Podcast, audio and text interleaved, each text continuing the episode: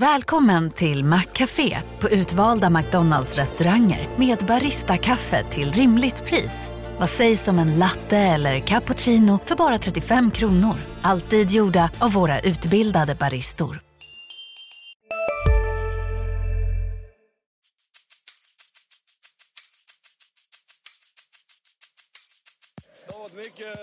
Mycket snack om det här inhoppet. Det är svårt att förbereda sig. Va? Så att, eh, det är mycket känslor som spelar över. När jag kommer hem ska vi fixa allt det där.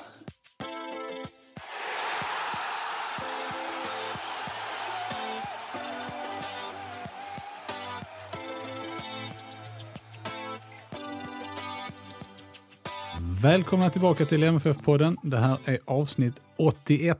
Jag heter Fredrik Hedenskog och med mig i studion har jag Fredrik Lindstrand och Max Wiman. Hur Hej, hej. står det till med er? Ja, det, det är väl en sån allmänt grinig dag tycker jag det verkar. Det är väl lika bra att erkänna det med en gång.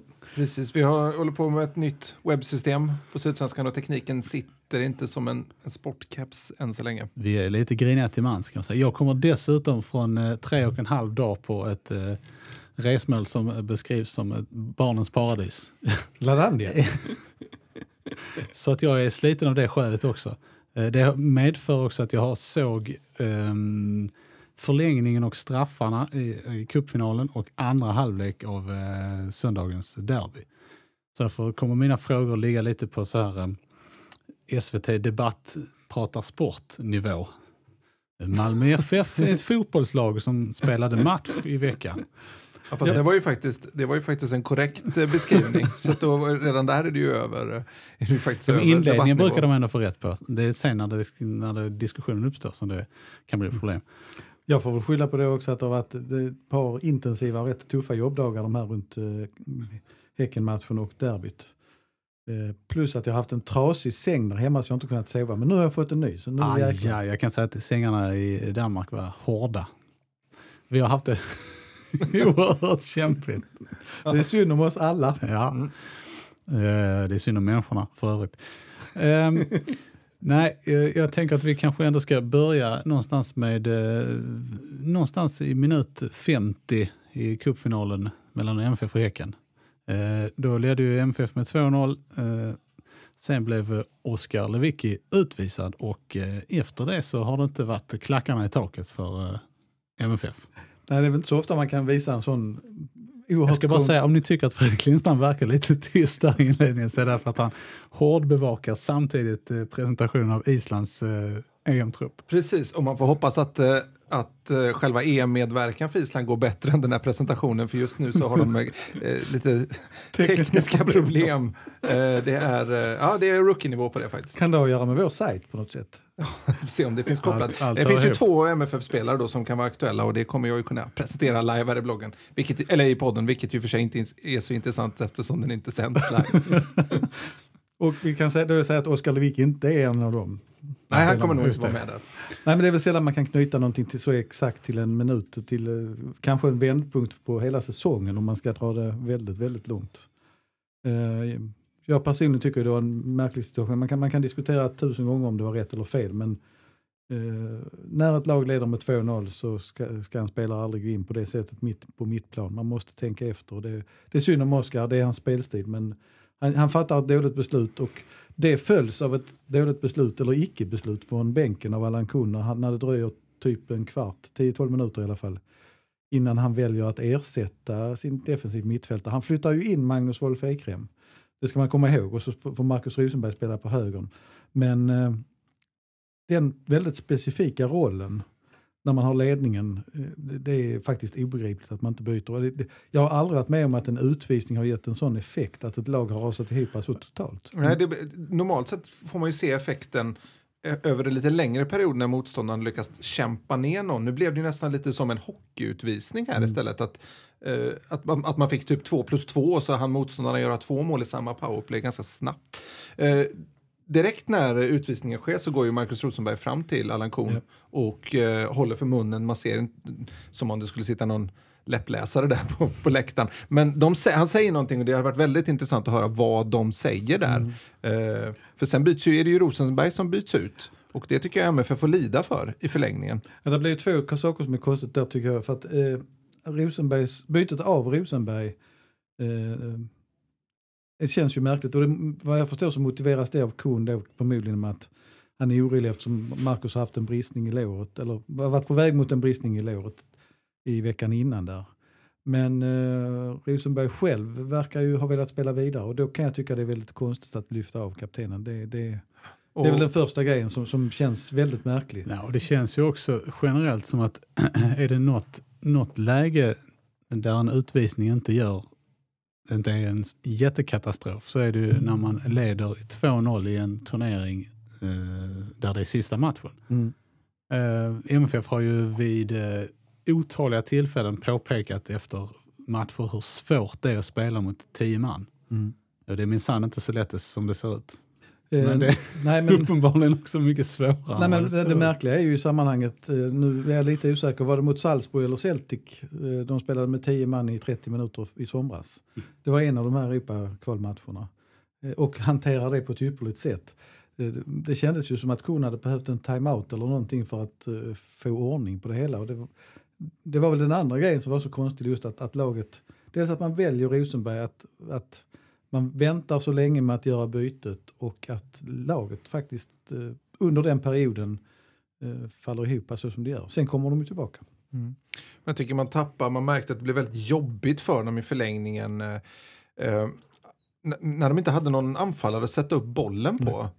Det, det blev liksom, jag tyckte till exempel att Sanna gjorde det bra i sitt inhopp där. Och, eh, men det blev också väldigt mycket attacker rakt fram. De fick aldrig vila med bollen. Och det blev, hur bra det än såg ut så när målen inte kom så blev de istället väldigt, väldigt trötta.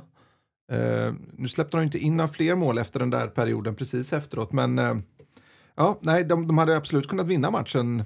Eller, eller i alla fall gett sig en chans till att vinna matchen.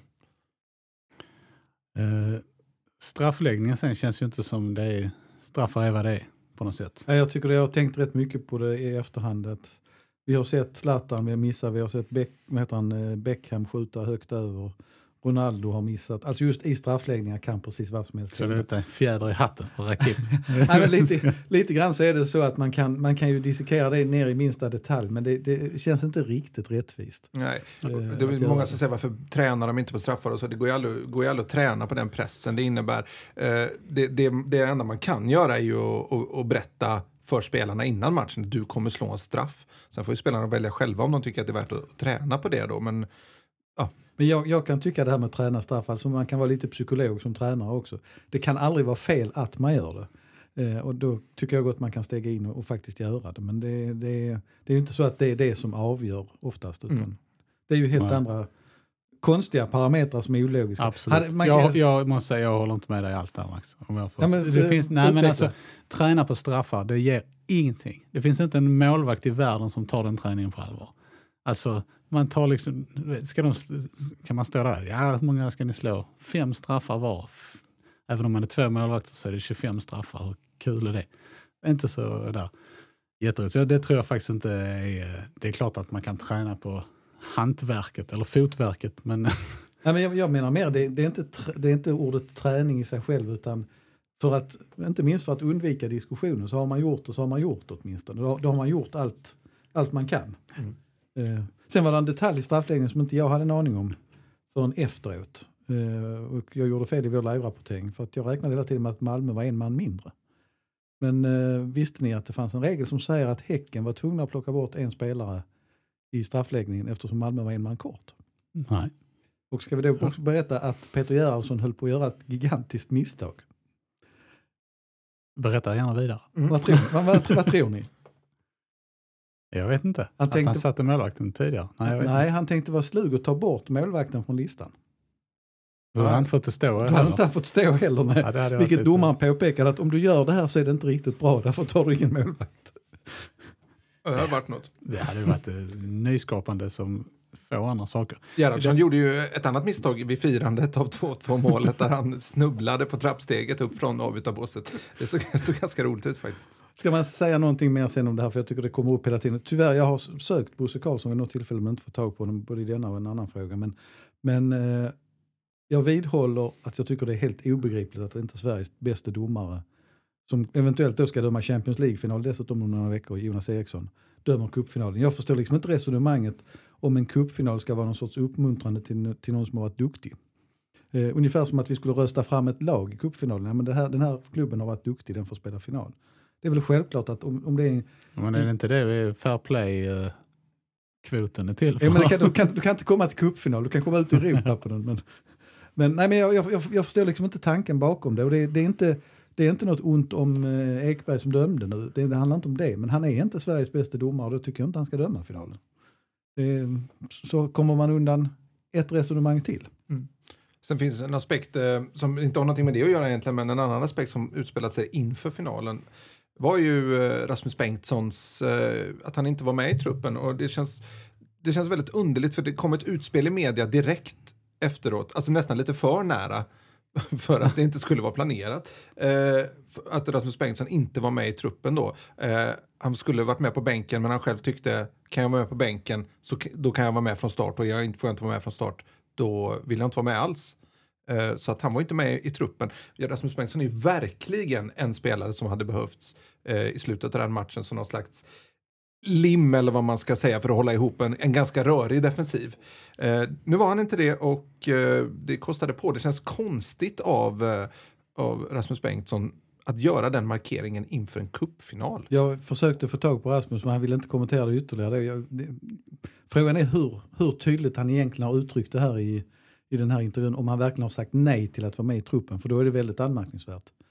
Uh. Och att han sen får spela derbyt direkt efter det. Yeah. Det känns anmärkningsvärt att, att det inte blir en större, eh, vad ska man säga, en större grej. Det är möjligt att internt att de har hållit det väldigt, väldigt, väldigt internt och att mm. han har bett om ursäkt och så vidare. Men med tanke på hur mycket Ado har fått lida för det han gjorde och han har ju trots att inte, det har ju trots att inte påverkat någon match det han gjorde. Men han är ju fortfarande väldigt långt utanför truppen till synes. Eh, så är det ganska intressant kan jag känna. Du, händer det något i Reykjavik eller? Du, det, just nu, de har ju en sån här nedräkning där de bockar av alla platserna. Det är två platser kvar och eh, Kjartanssons namn har inte räknats upp än. Kari är med däremot. Han ska, eh, apropå Arnason då, så det var väl det enda jag tyckte var lite märkligt med straffledningen. Att han inte var bland de fem. Ja, man, man kan vrida och vända på det. Först så tänkte jag att det var en sån spelare man inte ville ha fram till en straffläggning. Men sen insåg jag att det var helt fel därför att han har, i det fallet har han rutinen Pontus, han har spelat mittfältare. Så att, och inte så mycket att Helt självklart. Det, det, det är klart att han skulle Sen är det ju olyckligt för MFF av att de av skilda skäl då plötsligt står utan Rosenberg, Eikrem, Kjartansson och möjligen även Lewicki i en straffläggning. För det är ju inte, det är ett rätt tufft läge, det kan man inte komma ifrån. Precis. Jag sa med samma när det blev straffat, eh, eller redan in, när det var på väg mot att bli det, att det är ett gyllene läge för, för Häcken. Därför att på något sätt, det laget har allting att vinna i det läget. Medan MFF då bara har pressen att de kan förlora matchen på det. det är, jag tror faktiskt att det har en viss betydelse. Jag tyckte Häcken slog väldigt bra straffar. Ja, det gjorde det. Det tycker jag i och för sig att eh, Malmö gjorde också. Fram, mm. Alltså de fyra första var ju ja, jättebra. Så att, eh, ska, man, ska man ändå dissekera lite grann så är det lite synd att Erdal inte är mer rutinerad. Därför att, nu, det här kan du bättre Hedenskog som är målvakt, men det kändes som att deras målvakt gick väldigt tidigt. Eh, och att han med lite kyla och en bredsida kunde sett att var han skulle ja, slå straffen. Jag tycker Ja, just den eh, detaljen. Jag tittade på en uh, telefonskärm så jag såg inte saker och ting jättebra. Lite från sidan dessutom. Uh, men däremot så, så kanske jag inte hade satt honom som nummer fem. Nej. Då kanske man hade stoppat in honom i mitten någonstans. Men ja, det är oerhört lätt att vara efterklok i sådana här sammanhang. Um, men uh, eftersom det är det vi sysslar med så Eller hade du något att tillägga? Nej, jag bara, det var bara jag kom tillbaka till det här för jag visste det var en sak till som gnagde apropå det här med vad som hände i samband med utvisningen. Det var ju faktiskt så att Markus Rosenberg efteråt var väldigt tydlig med att han var förvånad att bytet eh, dröjde så länge. Utöver det faktum att han själv sa att han gärna hade varit kvar på planen så sa han rent ut att han tyckte det var konstigt att inte bytet kom direkt. Som det brukar göra med de stora klubbarna, liksom när en mittback eller en nyckelspelare blir utvisad, att då, då pang så kommer det med en gång. Och det är väl det man möjligtvis kan, kan, kan fundera kring nu. Och där, alltså, för det diskuteras ju mycket runt Allan Kuhn, det gör det ju hela tiden. Det, är precis som, det blir lite fånigt ibland därför att allt ska ifrågasättas på något sätt. Men, men eh, hanteringen av de här avgörande momenten och byten och trupputtagningar Eh, där jag själv har varit inne på det här senaste då med att vad är det för mening att ha med en och Kofi Adu i fem matcher om han liksom ändå inte är nära spel känns det som. Jag hade hellre valt då att ha Carvalho på bänken mot HIF igår. Att slänga in sista tio minuterna för att nicka in hörnor för att han har ju en kapacitet där.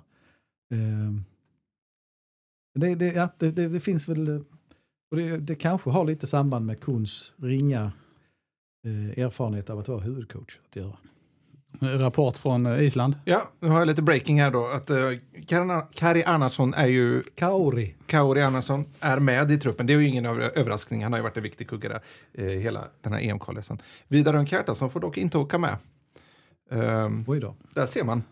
Och det kan bli spontant så kan man ju säga att kanske det inte är så konstigt men det, det är ju inte bra för Malmö FF. För att jag tror att eh, Vidar Örn är i behov av alla positiva vibbar han kan få. Mm. Räckte inte med ett hattrick. Nej, Alltså- men det var, ju, det var ju absolut en kick på vägen, men sen blir det ju liksom... Nej, för att komma med i EM. Nej, men det blir en, flash, en flashback nu liksom, när han inte kommer med här. Får jag bara skriva den? Jag skriver du på. Jag, jag vi, pratar under jag ska bara tiden. trycka ut det. Nu Jag, pratar vi multitasking, alltså ja. nu skriver vi artiklar och lägger ut på nätet samtidigt som vi poddar. Ja, orkar ni höra lite smatter här? Det är Och- och- otroligt imponerande. Ja, men det ger en autenticitet som är svår att överträffa. Ska vi filma det samtidigt och lägga ut det live? Ja, men då är det synd om folk som tittar på det. Eh, Oskar Lewickis eh, utvisning blev ju kostsam för Malmö FF. Eh, det kan man ju i efterhand säga att eh, Markus Rosenbergs utvisning också blev. Det vill säga den som han drog på sig i den allsvenska matchen mot Häcken då förra helgen. Eftersom han sen blev avstängd i derbyt mot Helsingborg och det jag såg av andra halvlek kändes oerhört uddlöst och ineffektivt. Ehm, jag blev faktiskt förvånad att MFF överhuvudtaget reducerade där i slutet. Fast det var en slump det målet. Ja visst, den studsade lite fram och tillbaka. Eh, Men det känns ju som att eh, med en, en eh, icke avstängd Rosenberg så hade man inte behövt eh, få Jo Inge Berg skadad till att börja med. Nej. Och man hade haft lite giftigare vapen att jobba med. Rosenberg, jag tror många underskattar betydelsen han har för Malmö FF, verkligen. Med sin förmåga att hålla i boll, att söka upp situationer, att driva på. Eh, och eh, det är som du säger, vi, vi, vi, Kent Jönsson och jag som var där uppe, vi, vi resonerade igen att eh, det, det, det, det är nog så att det fattas en anfallare i MFFs trupp. Det, det, de måste egentligen erkänna det. Och, eh, meningen var ju att det skulle komma in två i vintras och varför det inte blev så det vet vi inte. Men eh, jag håller fullständigt med. Hur är det ställt med Berget förresten? Jag kollade precis, sökte innan poddinspelning här men eh, det har inte kommit något besked och jag får inte tag på någon medicinsk expertis ännu. Han ska magnetröntgas, vad heter det? magnetundersökas under måndagen. Men eh, mitt tips är ju att han inte spelar mer i vår. Eh, och då, då är det ju ytterligare lite, lite tungt där.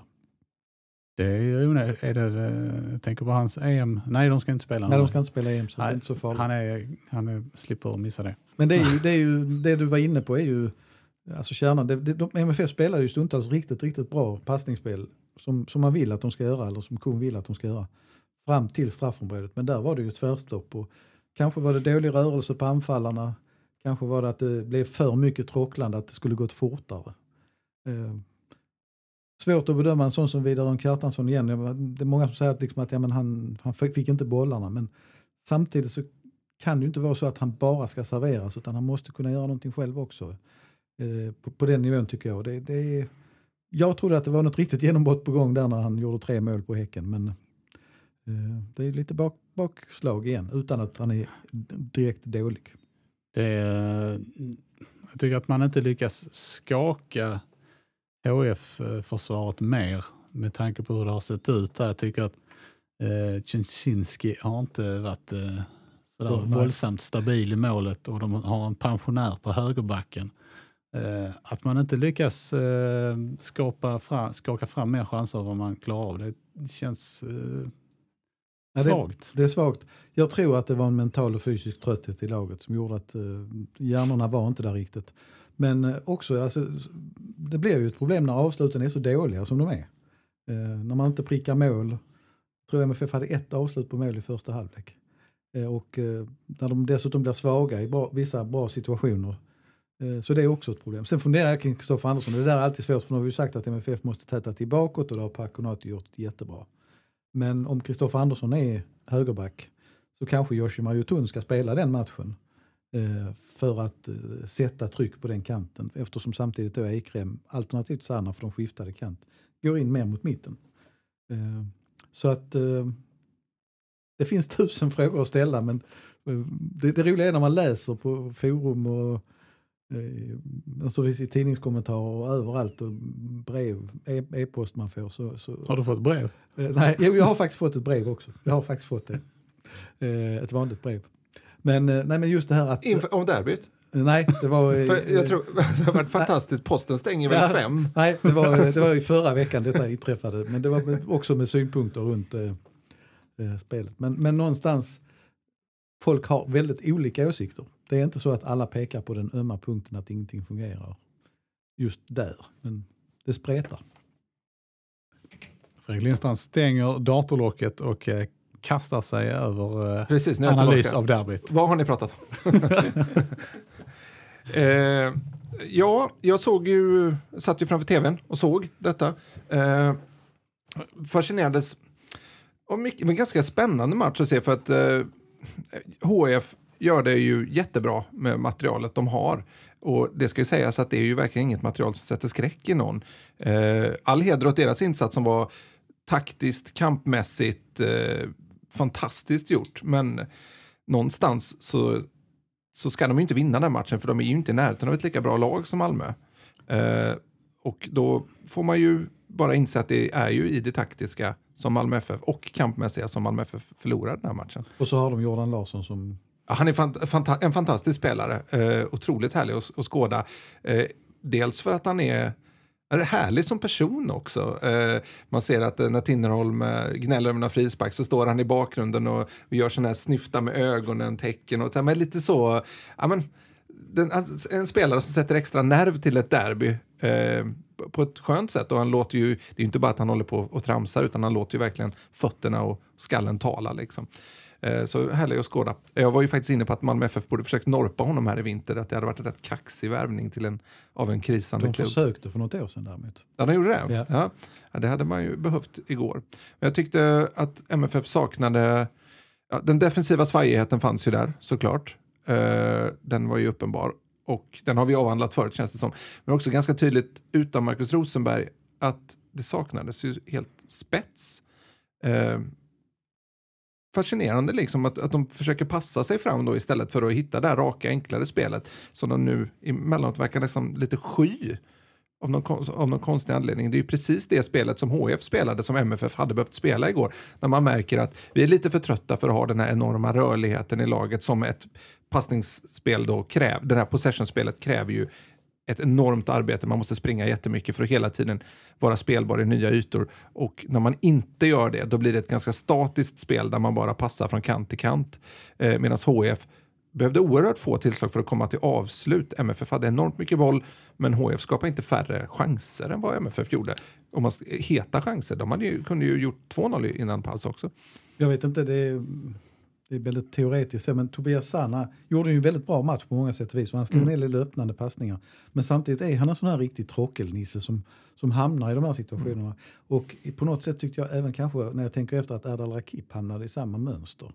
Det finns ju det, det spelet i de båda det här tekniska spelet. Men det gäller att kunna värdera det tekniska spelet. Man kan ju jämföra dem med Eikrem som Precis. också är teknisk men samtidigt kan vara distinkt när situationen kräver det. Hans mål är ju, ja, nu, nu väntar ju 94 minuter på att göra ett sånt avslut. Han kanske borde sökt det tidigare. Han, han hade alltså sex avslut av 17 Mm. ändå. Så att, eh, Ja, nej, då, då, Det men, men någonstans så är det också att även, även när han hamnar i de små ytorna i Ekrem så är det mer avgörande passningar. Mm. Han, han, han tittar inte efter närmsta gubbe och väggar runt ett varv till med utan han, han tittar efter öppningen på ett annat sätt tycker jag. Jag tycker också det blir, det blir ganska tydligt här att, eller vilken betydelse Anders Christiansen har Absolut. när han spelar. Ehm, Det blev ju, plötsligt så började det hända lite saker framåt, trots allt, när han kom in. Ehm, Ser ni några andra, jag tänker på, alltså, vi har HF-matchen, vi har Jönköpingsmatchen och Sundsvallsmatchen. Eh, tre förluster mot, eh, på pappret, klart sämre lag. Vad finns det för gemensamma nämnare för de, för de här insatserna? Om det finns några. Jag, jag såg inte Jönköping, eller eh, Sundsvallsmatchen, så att jag har inte den. Eh, försvarstavlor, eller förs, vad ska, eh, inte tavlor, ta, lite taffligt försvarsspel och eh, det finns ju den gemensamma nämnare i de två matcherna, eh, Jönköping och HIF, är ju att det är Arnason och Bengtsson där det inte riktigt funkar mellan faktiskt. Jag vet Ja. inte, du ser Sundsvall också Fredrik? Det är så himla svårt att, att hitta det exakta, vad exakt det är. För pendla- prestationerna har pendlat ganska mycket. Jag, jag skulle nästan säga att de kanske hänger ihop lite med det här, eh, de här gula korten som MFF tenderar att dra, dra på sig och som var väldigt närvarande även under hösten. Att, att, att man är, blir frustrerad av att man inte dominerar matcherna så som man tror att man ska kunna dominera matcherna och att man liksom rusar in i situationer, blir hetsig och håller sig inte kall. Man vågar inte vänta på och värderar inte lägena tillräckligt bra.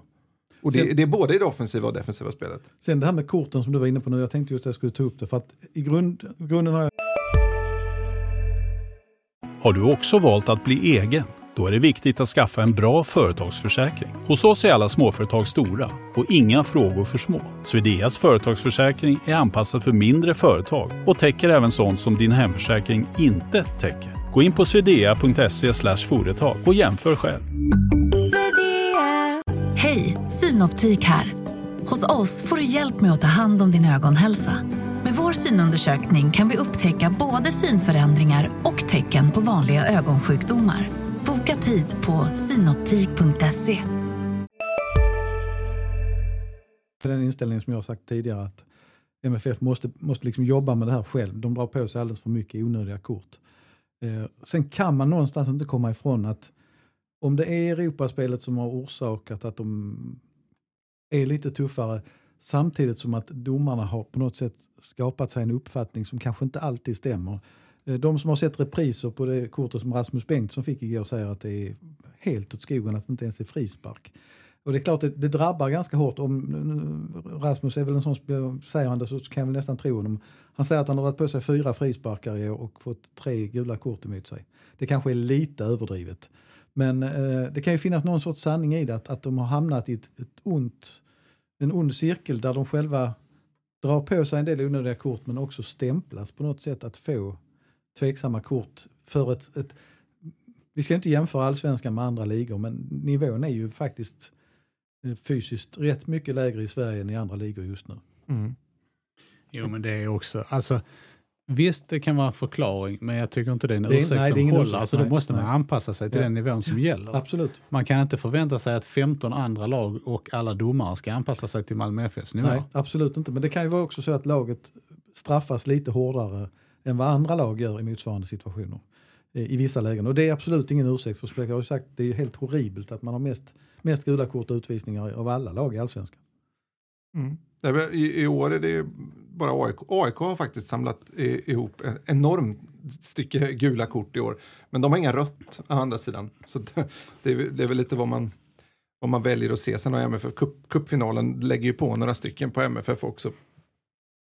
Nej, det är, det är intressant. Jag så, apropå Lars, Lars Lagerbäck pratade ju på den här isländska presskonferensen då om just eh, domaren. Jag vet inte varför han kom in på det riktigt, men helt plötsligt satt han och, och, och pratade om fokus på domaren och sådär. Att, att, det, att det, han har väldigt svårt för det och att han tycker att det är ett enormt eh, felaktigt energiläckage eh, som, som gör att man, att man inte tar ansvar för sina handlingar. Att man inte inser att domaren, precis som motståndaren, är en del av spelet. Och att det, man, det är upp till en själv att, att vinna matcherna. Och har man, inte, har man inte gjort fler mål än motståndaren så måste man ansaka sig själv först och främst. Därför är det lite orostecken att, att, eh, att det, det har pratats så väldigt mycket om domarna den senaste tiden.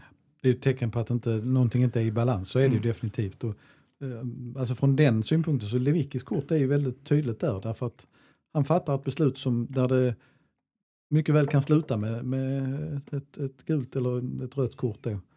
Eh, Och det är ju hans beslut att gå in i duellen som skapar det så att säga. Men, eh, det är väl inte helt svart eller vitt ändå, men, men eh, MFF har mycket att jobba med där. Väldigt mycket. Man kan ju säga som så, så att i min eh, erfarenhet eh, av eh, 35 år på och bredvid fotbollsplanen så är det väldigt, väldigt sällan som domaren avgör en match. Mm. Oavsett vad folk säger Mm. efteråt. Mm. Och med snacket efter när man är runt MFF de sena, den, i år har nästan har liksom känslan varit att domarna avgjort varje match. Och det, och det, är, det är ett tecken på att truppen inte mår riktigt bra alltså någonstans. Det är förmodligen är det så. Det är ju, det är ju i grunden en ledarfråga egentligen. Och det började ju strula redan i fjol. Det Mm. var ju väldigt mycket varningar och eh, även utvisningar redan i fjol. Och det är intressant, man man kan ju välja, det är, då är vi tillbaka till det här där vi har pratat så himla mycket om det här halv, glaset halvfullt, halvtomt. Igen, om man tittar på de här segrarna som Malmö FF tog så har vi en match mot Elfsborg. Eh, fin defensiv insats eh, som slutade med tre poäng. Kunde också sluta med noll poäng. Det, lite tillfällighet sådär. En poäng hade väl varit det mest rimliga. Eh, sen har vi, eh, vi se vilken match som kommer efter där, det är hemmamatch mot Djurgården. Djurgården. Också lite tillfällighet att MFF vinner den. Eh, en hörn, en fast situation. Eh, också individuell, det är en individuell skicklighet som avgör den matchen snarare än frukten av ett väldigt vägvinnande spel. Eh, bortamatchen mot Göteborg, som vi alla vet varför Malmö FF vann den.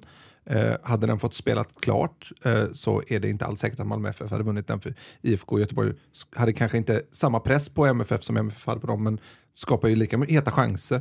Eh, om inte hetare, men den nedre delen av ribban, ett skott där, det är väl bland det sista som händer innan matchen bryts. Och sen har vi en jätteklar seger mot Häcken då förstås. Eh, som är, är väl när vi blickar tillbaka på, på det, kanske det bästa MFF har presterat i år.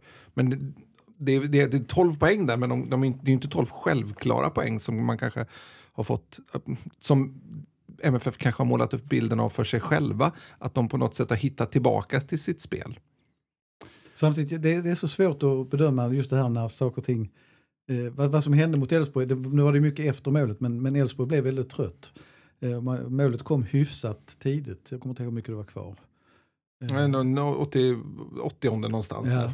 Alltså att, att det fortfarande var så, och likadant eh, kanske mot Djurgården, att, att eh, det kunde ju varit så att MFF hade malt ner dem mot slutet ändå. Eh, så det, det, det är så himla svårt att, Mm. att värdera. Det, det, men det, man- det vi kan vara helt överens om är ju att det har inte varit rakt igenom imponerande vid särskilt många tillfällen. Nej, precis. Det känns, det, det, min poäng det var att det känns som att MFF kanske tittade lite för mycket på, på just poängraden i matcherna snarare än insatserna. Och lite kanske inför de här bortamatchen mot, mot Helsingborg då, och, och även Häckenmatchen, att man lite glömde vad som gjorde att man faktiskt plockade de här poängen, att man började tänka att vi måste försvara oss först och främst. Och i med Helsingborg så tänkte man ju nästan bara anfall.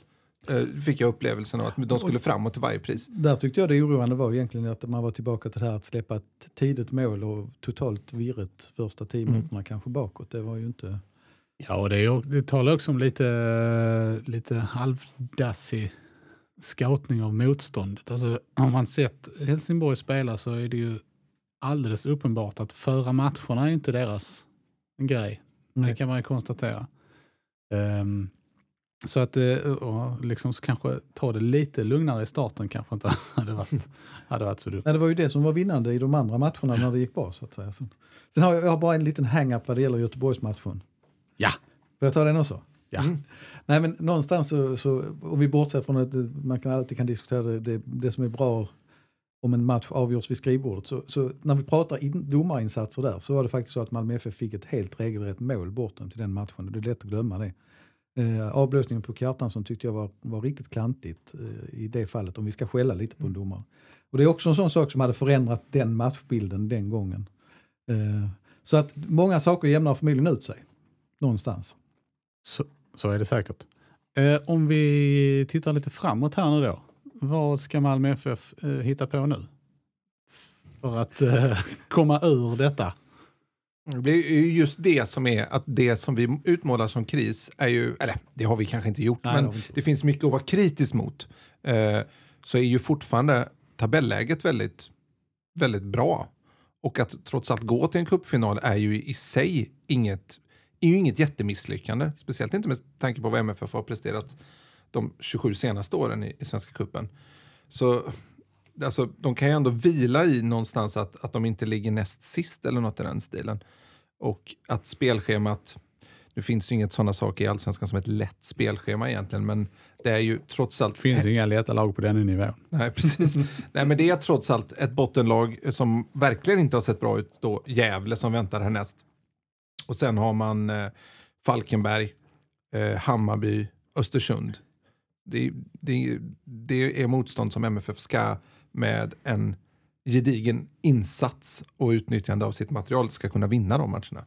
Det sa man ju om eh, matcherna mot Jönköping och Sundsvall också. Ja, men med dem i backspegeln så tycker jag att, och den lärdomen i backspegeln så ska man kunna, ja, det ska kunna gå i alla fall. Det hade ju varit värre om det det, är var... inget omöjligt uppdrag, det kan vi enas om. Precis. Ja, men ska man, eh, Men vad ska de, vad ska de hitta på? Ja, så, eh, tufft så måste de ta 10 poäng av 12 här. Tror jag för att, eh, för att gå till sommaruppehåll med någon sorts eh, behaglig känsla. Sen kan de andra lagen hålla på att slå varandra till höger och vänster. Det, det är fullt möjligt men, men eh, 10 poäng tycker jag de ska ta. Det, är ju, eh, det känns ju också som att eh, man får ju, även om man förmodar att Norrköping kanske tappar en, två gubbar så småningom så känns det ju ändå som att det, är- man får nog ta och hänga på här. Absolut. Så att inte de eh, Nej, jag tror inte de kommer hålla. iväg.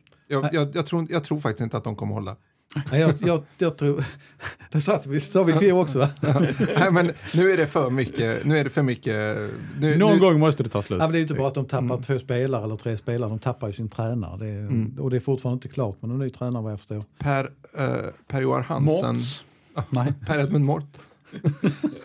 Per-Johan Hansen ehm, läste jag skulle vara på gång in. Men vad de kom, MFF konkret ska göra, det, det är ju däremot det är ju det som är lite svårt. Eftersom är Vi så, undviker den frågan hela tiden och vi glider in på sidospår. jag tycker det är så svårt eftersom det är, ja men ena gången är det försvaret och nästa gång är det anfallsspelet. Ena helgen så gör Kjartansson tre mål och ser ut som, liksom, ja men där är ju spelaren som avgör allt och sen så nästa helg så är problemet ett helt annat. Det, Mm. det, Och så, det är också svårt, vad, vad har kon, är det att han har fått ärva Hareides svaga höst? Eller är det här hans prägel på truppen? Och hur mycket känner han att hans spelare, han, kan forma det laget med de spelarna som fanns när han kom? Trots allt har ju inte så mycket hänt med den truppen och han, hans filosofi kanske inte funkar med den truppen som fanns. Det är alltid, alltid såna avvägningar när man väljer att kritisera någonting som gör att det, det blir väldigt svårt att måla upp en helhetsbild kring Malmö FF just nu eh, och, och därav den, den här konstanta halv, brasklapparna högt och lågt som kastas. Men det var ju han själv som började med det Mm. halvtomma och halvfulla glas och det är, det är faktiskt oerhört svårt. Och, det, trots allt så var det ju tendenser då till konfotboll i de här vinstmatcherna på slutet, Häcken framförallt då. Mm. Eh, och sen så det blir då Helsingborg en helt annan match. Då, vi trillar tillbaka till den här situationen i 51 minuten mot Häcken som på något sätt kan definiera väldigt mycket.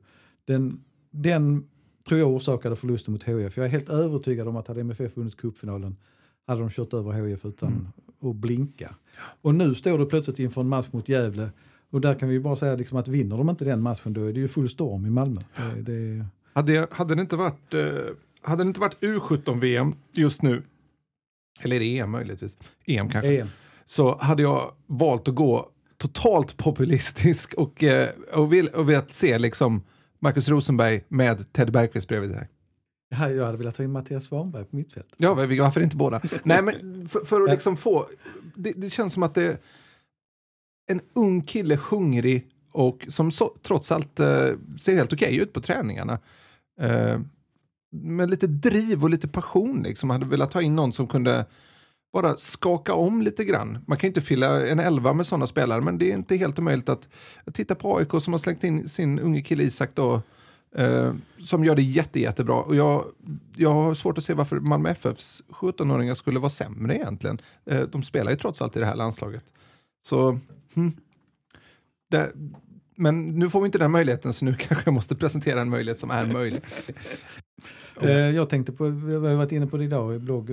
Vi har ju inte, jag, jag tycker att NOK Kofi är en fantastisk spelare, vilket en del tror att jag inte tycker. Det tycker jag. Men, men eh, bakgrunden den här hösten och vintern, eller vintern och våren framförallt, är, är ju inte den bästa. Han har inte spelat mycket matcher. Men det är ju intressant nu mot Gävle eftersom Kuhn har valt att byta spelare mot spelare. Och nu är Lewicki avstängd.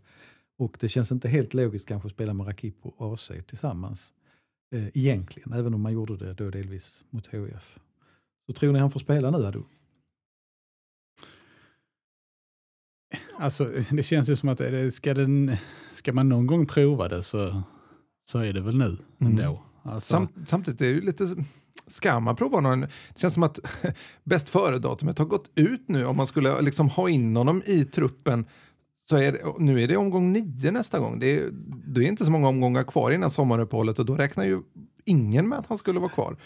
Nej, det, det, jag tycker det är jätteintressant som du säger, för Mm. på något sätt, då är ju den stora frågan, för jag, jag, jag håller egentligen med dig, men Mm. varför är han då i truppen?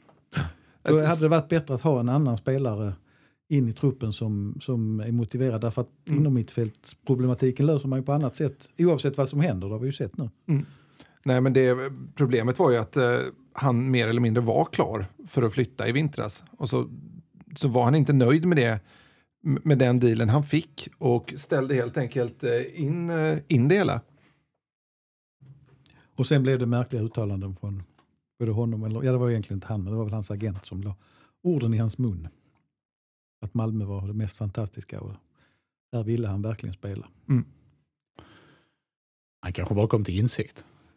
Nej, men jag vet att, jag vet att det, det var någonting som tog in i ledarleden i MFF eftersom de hade fått höra så mycket innan dess om hur, hur de, han till varje pris ville bli hjälpt härifrån. Eh, vad vill ni se då för eh, förändringar eh, personellt till Gävle-matchen? Någon måste det ju bli. Någon måste avgå. Men någon måste, jag tänker att eh, Berget är skadad exempelvis. Och Bengtsson är avstängd. Bengtsson är avstängd. Och Lewicki är avstängd. är han fortfarande avstängd? Nej, han har inte blivit avstängd ännu. Nej, just det, han Han, spelar ju han, där. han lär ju bli avstängd nu i veckan. Ja, så att eh, en ändring per lagdel. Typ så. Vi ska se om vi kan komma överens med ett Ja. lag. Ja, Brorsson känns ju givet, den förändringen. In då på, istället för Bengtsson. Brorsson och Arnason är faktiskt de Då som håller har de fungerat. Ja, och de har fungerat bäst tillsammans trots att Arnason eh, inte tycker om när det ändras för mycket. Men, men eh, så är det faktiskt. Ja. Tinnerholm lär väl sitta säkert trots allt. Och jag tror Konate sitter ganska säkert också. Jag, jag vill ju se, mot Gävle vill jag se Jotun på banan, att, att eh, det händer någonting framåt på den kanten. När, Du måste täcka upp för Jonas Lanto.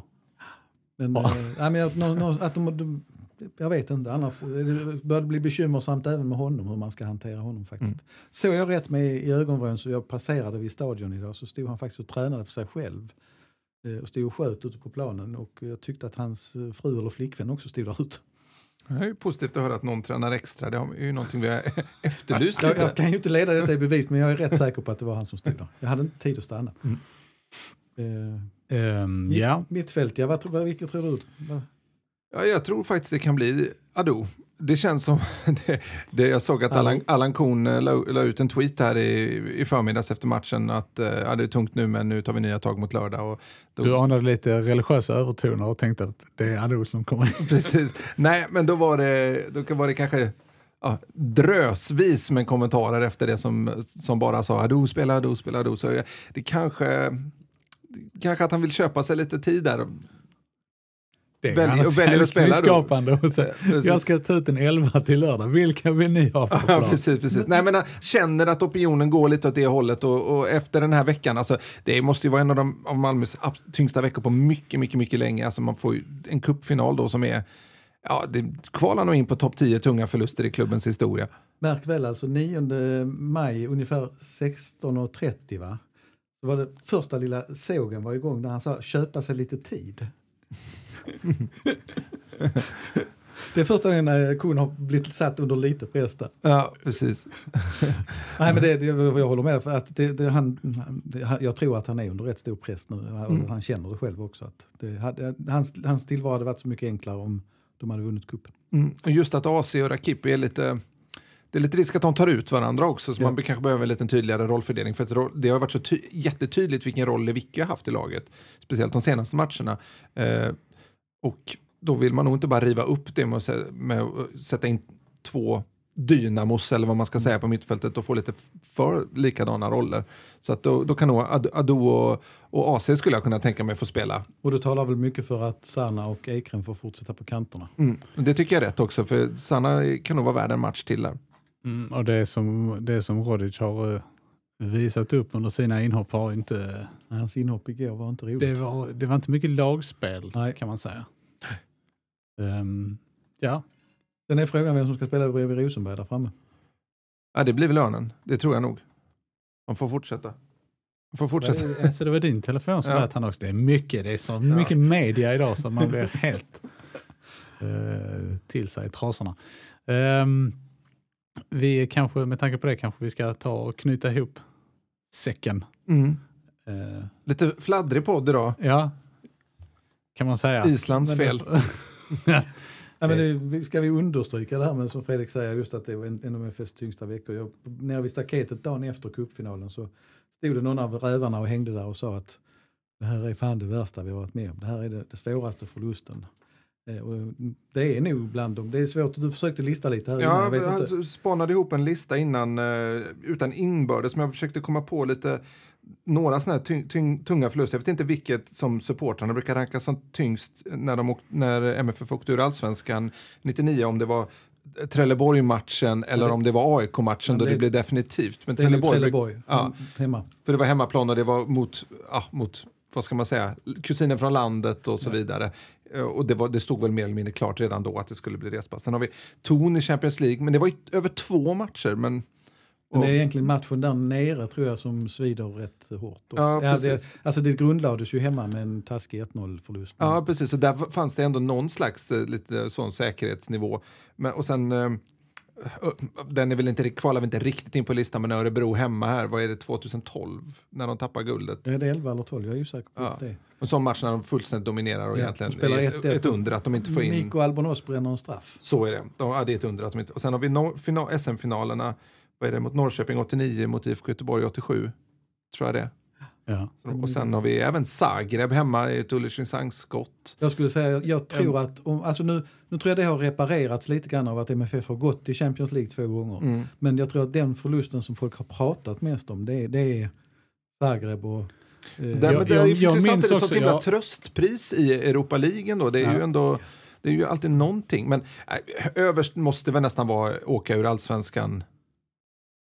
Ja, jag Förlusten. tycker det fanns ju flera förluster, även den förlusten i Halmstad när Tony Flygare missade straff. Det var ju också en Mm. riktig... Precis. Men det var ju inget som det gjorde var det så inget som- definitivt. Men just med, med cupfinalen har ju givetvis sin plats där uppe med dramaturgin, hur, hur, hur liksom Malmö FF inleder allsvenskan kast och sen vaknar till liv, börjar vinna, tagit sig till cupfinalen och hur stan mobiliserar. Och, eh, jag var- jag var på, på Möllevången eh, glömde av att det skulle vara samling för MFF-fans där och skulle, och skulle, tro det eller ej, men eh, pensionären i mig skulle handla lite pelargoner.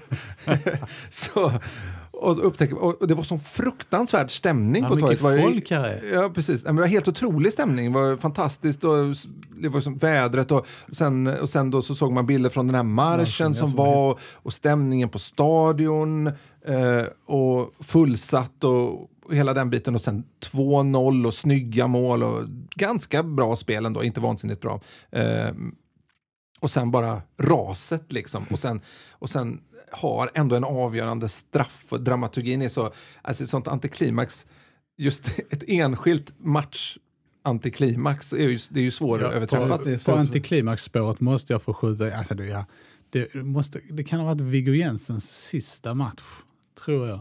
När MFF mötte Frölunda hemma eh, på stadion i, eh, ja det var väl i slutet av oktober eller början av november. Matchen gällde, gällde ingenting överhuvudtaget. Jag kommer inte ihåg om de blev nio eller tio eller någonting sånt. Och eh, Viggo Jensen matchade Hulda Hillgren som eh, mittback. Mittback, ja det stämmer. Eh, Hulda hade ju sina för, eh, förtjänster som target-anfallare, absolut, men någon vidare mittback i allsvenskan var han inte. Och eh, eh, Frölunda, Frölundas stjärnanfallare Rickard Tiberius sprang eh, åttor runt honom. Jag tror han gjorde, de låg med 4-0. Och det var, alltså det var det värsta jag har sett i, på en jag fotbollsplan. kommer faktiskt inte ihåg Det var, så, Men det, jag var så, det, det var så dåligt, så det dåligt, så dåligt. Men de hade ett bra lag Frölunda. Thomas Rosenqvist, Sen Gustav kom- Andersson. Sen kom MFF tillbaka, gick upp till 4-4 bara för att låta Rickard Tiberio kontra in 5-4 på övertid. Det var liksom, ja, det var så meningen. Man satt där liksom bara, vad är det här för någonting? Det känns liksom ovärdigt för alla. Men du, alltså nu, nu känner jag bara här. Utom Eh, Frölunda-fans. Fredrik. Alla tre. Fredrik började prata pensionärer. och så- Det är så att jag är långt ifrån pensionär. Jag är faktiskt bara 58. Jag är född 58. Eh, men vi måste ta fram en match från 1968 mot ett gulsvart lag som jag tror är i nivå med Häckenförlusten faktiskt. Vi pratar allsvensk avslutning på Malmö stadion. MFF ska bara besegra Elfsborg som inte har någonting att spela för. Och är sådär totalt tokdominerande så att, jag menar vi pratar som Sovjet i ishockey mot allt och alla. Eh, De anfaller konstant. Elfsborg har en målvakt som heter John Hedin. Som gör alltså garanterat sitt livs match. Joppe kallar jag honom. Eh, Jag vet att vi långt senare gjorde ett reportage, Håkan Malmström var uppe och träffade honom. Men det var, det var liksom en sån här helt, helt sanslös match som borde slutat 5-0 och som slutar 0-0. Och eh, Öster tar guldet på, på detta. Och det var ju extra retfullt då, om ni kommer ihåg det här vi pratade om innan med gamla Erik Persson och Stig Svensson som var ledaren. Öster var nykomling i allsvenskan. Första gången någonsin de var där. Det sved något fruktansvärt. Och jag, jag, jag, jag var faktiskt där och jag kommer ihåg det. Det var eh, tårar och, eh, på många håll på läktaren där. För det, det var sådär helt obegripligt. Det kunde inte sluta oavgjort och ändå gjorde det. Ska vi göra så här att vi ber läsarna i Twitterform så kan man inte göra en topp 10-lista men man kan skicka in sina tre värsta MFF-nederlag och så kanske vi kan sätta ihop en lite längre lista av just de här när man märker vilka som är de populäraste. Så snabel MFF-podden på i ett ord på Twitter. Och så den som blir värst, där bjuder vi in den som orsakade förlusten. Nej det gör vi inte. Bjuder vi in de skyldiga och ställ, sätter dem eh, Sätter dem i heta stolen och helt- avkräver svar. Stackars Ulrich Vinsson, han får inte får komma hit och berätta varför han inte satte sista skottet mot Zagreb. Det var ändå, han överpresterade ändå i själva skottögonblicket tycker jag. Så han ska kanske inte få bära hundhuvudet för det. Mm. Hörni, eh, vi eh, nöjer oss där tror jag. Mm. Och eh, kommer igen nästa vecka. Då får vi se hur Gävle-äventyret har utvecklat sig. Har Pia Renqvist tid att vara ansvarig utgivare för oss idag också när hon har fullt bry med sig? Hon har chattat om nya eh, sajten, så att, eh, men det ingår väl nå- någonstans i uppdraget ändå. Eh, jag heter Fredrik Hedenskog. Med mig har jag haft Fredrik Lindstrand och Max Wiman och eh, ansvarig utgivare är som Max mycket riktigt påpekade Pia Renqvist. Och så surfa in på den nya mobilsajten då och märkt att den är tio gånger snabbare än den gamla. Absolut. Är det så? Jag har inte hunnit. Ja, Jag har är- bara jobbat med den bakom kulisserna. Ja, så jag men har inte det hunnit är- det. Ni kan, Faktiskt. ni, kan, eh, ni kan ladda ner appen igen nu. Allt är förlåtet. Ja. Det är hysteriskt Det finns en ny version kan vi påpeka. Eh, det blev flamsigt ända in i slutet. Tack för oss. Vi hörs. Hej hej.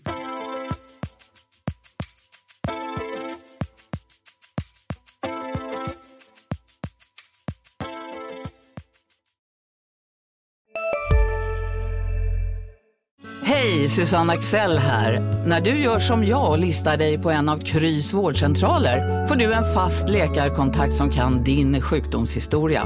Du får träffa erfarna specialister, tillgång till lättakuten och så kan du chatta med vårdpersonalen. Så gör ditt viktigaste val idag, Lista dig hos Kry. Ni är med om det största.